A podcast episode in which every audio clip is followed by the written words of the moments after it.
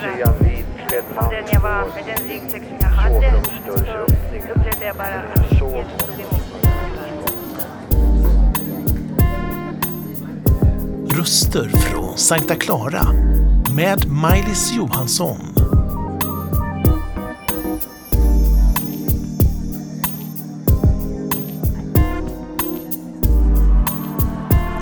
Inga Pagreus, välkommen till Sankta Clara kyrka. Vi sitter här på podiet idag och vi hör en härlig lovsång bakom oss. Det har du hört många gånger, du älskar det. Jag ställer första frågan. Krubban är tom, korset är tomt, graven är tom och Jesus uppstånden är. Hur många gånger har du fått förmedla att Jesus är uppstånden bland dina tilltufsare? Berätta. Det är så många gånger så det har jag inte räknat men det är en glädje varje gång som jag får göra det. För det känner jag att det är det jag brinner för. Att den människa jag möter och har framför mig ska få lära känna Jesus och hans underbara kärlek till oss. Vi säger nu att det kommer en tjej på 18 år som har gjort abort. Hon tror inte på någon levande Gud, men hon vet någonstans att det blir fel. Hur vill du trösta en sån som just nu kanske har tagit abort? Ja, det har jag ju faktiskt varit med om. Och det beror ju sig lite på vilket hjärta hon kommer med, vilken inställning hon har. Eh, om hon känner eh, ånger eller känner att hon har gjort något som är fel, då ber vi ju för det. Men det kan ju vara andra saker också som är hennes behov. Så jag ber alltid för en människa utifrån hennes behov. Men jag vill alltid be för henne. Det är sällan som en människa gått ifrån mig och jag inte har bett för henne. Men det är ju alltid utifrån den situation som hon befinner sig i. Att möta dig som diakon, det är ju att alla vet ju en diakon, den har alltid hjärta för den lilla människan. Och Klara är väl kanske känt mest för detta. Det kommer många människor ha gjort genom livet. Jag har jobbat här själv i, som volontär i nio år nu. Och jag har sett hur kön har varit lång till diakonrummet och nu har vi Yvonne som tar emot dem. Vad gjorde du när du var som mest trött och less, för det måste man ju bli som människa. Och ditt huvud är fullsmockat av allt som du har hört av. Kanske klagan, upprördhet, bitterhet, ensamhet. Vad är ditt största vapen? Får jag lägga ut ordet bibel eller bön? Vad skulle du föredra? Både och eller? Jag tänker att för mig har det varit att vi har levt i bön här i Klara kyrka. Vi började ju 94 med att be två timmar om dagen. Och jag var alltid med på den bönen om jag kunde. För det var där på morgonen som jag hämtade kraften. Men jag hade också en egen bön hemma och bibelläsning. För Herren hade lovat mig, om du söker mig varje morgon och lyssnar på lärjungarnas sätt så ska du inte sakna någonting för dagen inför varje människa som du möter. Så det är bönen och bibelläsningen. Och sen också måste jag säga glädjen, för ibland måste man ha lite humor mitt i allt det svåra. Och sen har man ju fått lägga allting i Guds händer vid eftermiddagsbönen. Den som pågår nu här i kyrkan med lovsången i bakgrunden. Det har varit en sån plats där man har kunnat överlämna människor i Guds hand. För de vilar mycket tryggare i Guds hand än i mina oroliga tankar. Så har du kunnat släppa allting vid dagens slut. Men jag har inte varit så tyngd, jag kan säga. Det har varit, jag kände att det här är min kallelse. Jag, jag har mestadels bara känt att jag har levt i ett flyt, om ni förstår vad jag menar. Att, att Herren har burit mig. Så jag, det är sällan jag har misströstat, det, det måste jag säga. Du hade ju turen, får man säga, att ha en andlig far och det var ju Karl-Erik Salberg. Mm. Han kunde tala om för dig saker och ting och du bara visste att det här är rätt. Han fångade upp, som vi säger, i anden. Han fångade upp i sitt inre.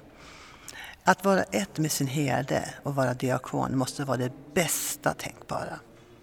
Hur är det då för diakonerna som inte känner att den samhörig med pastorn eller prästen? Vad gör en sån diakon? Ska den säga upp sig? Ska den stanna kvar? Ska den kämpa själv? Vad skulle du vilja föreslå till en diakon? Hur den ska bete sig om den inte är nöjd med kyrkan som den jobbar i? Det är oerhört svårt. Det var ju en väldig förmån att få vara här med Karl-Erik Sahlberg förstås. Därför att han hade sånt hjärta för diakonin. Och för mig var det ju att bygga församling, så gudstjänstlivet har ju varit så viktigt för mig, bönerna, bibelläsningen. Så vi har stått tillsammans i detta. Och det har ju varit väldigt fruktbart. Det har vi ju sett här i Klara kyrka, att många människor har blivit fria, församlingen har vuxit. Vi har varit här i stort sett varje söndag. Eh, och vi var ute på gator och torg tillsammans och mötte de här sargade själarna och byggde församling. I början var det ju bara dem. Eh, så det är så stort att få göra det. Men jag har också varit i församling där det inte har varit så. Och visst, jag hade ju människor som jag mötte och jag samtalade med. Men det var ju inte att bygga församling eller att bjuda in dem till kyrkan för det var liksom ingen som brydde sig om dem. Det här är det svåraste tror jag en diakon har. Att inte ha någonstans att ta människor. Så jag skulle önska att, att prästen skulle förstå det här med diakoni. Tyvärr är det många präster som tänker att ja, de sköter väl sig själv där borta.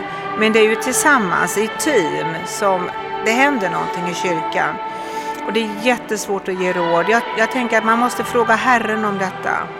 Om man ska vara kvar, om man ska söka sig något annat. Kanske ta ett profant jobb och vara volontär i kyrkan.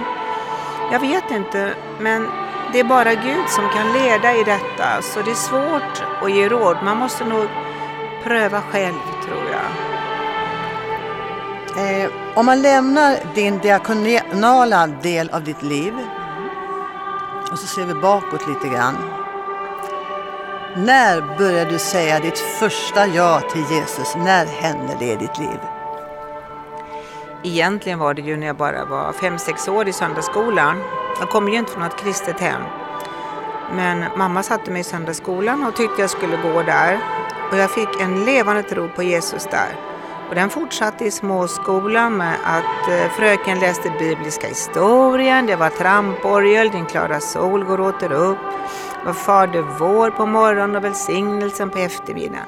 Det var en oerhörd trygghet som jag levde i.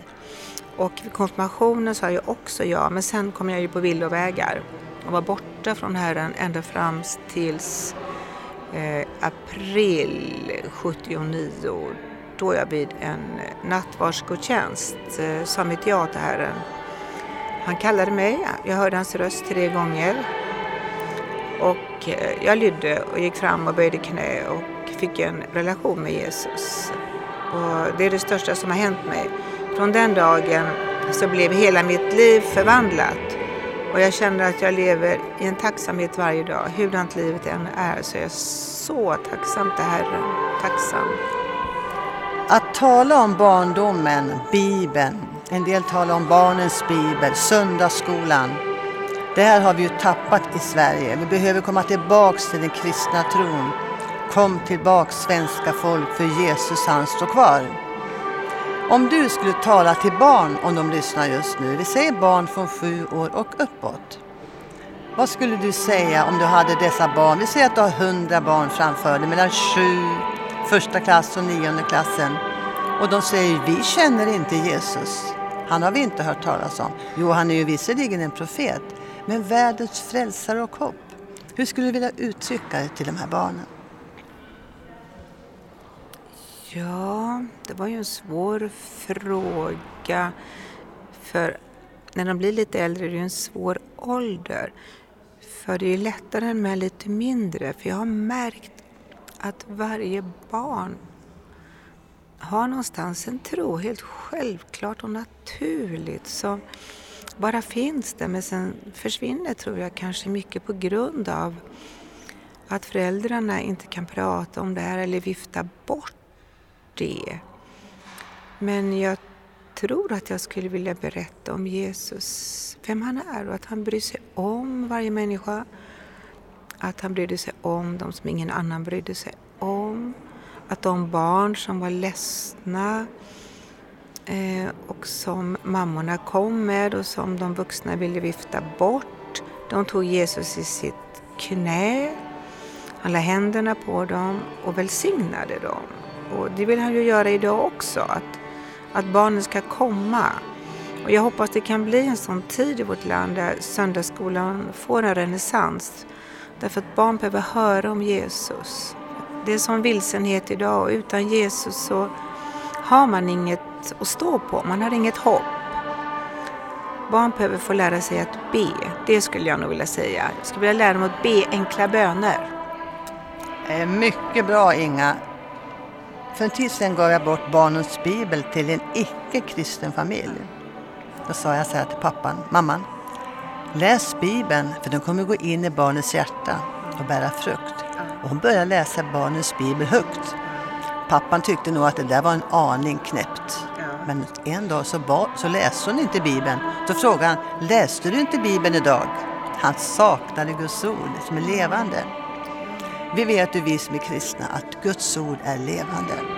Ska vi uppmuntra då med de här sista orden som du har sagt att köpa barnens bibel, kanske uppmuntra föräldrarna att uppmuntra sina barn att pröva och se att Jesus lever och är god. Han är barnens vän.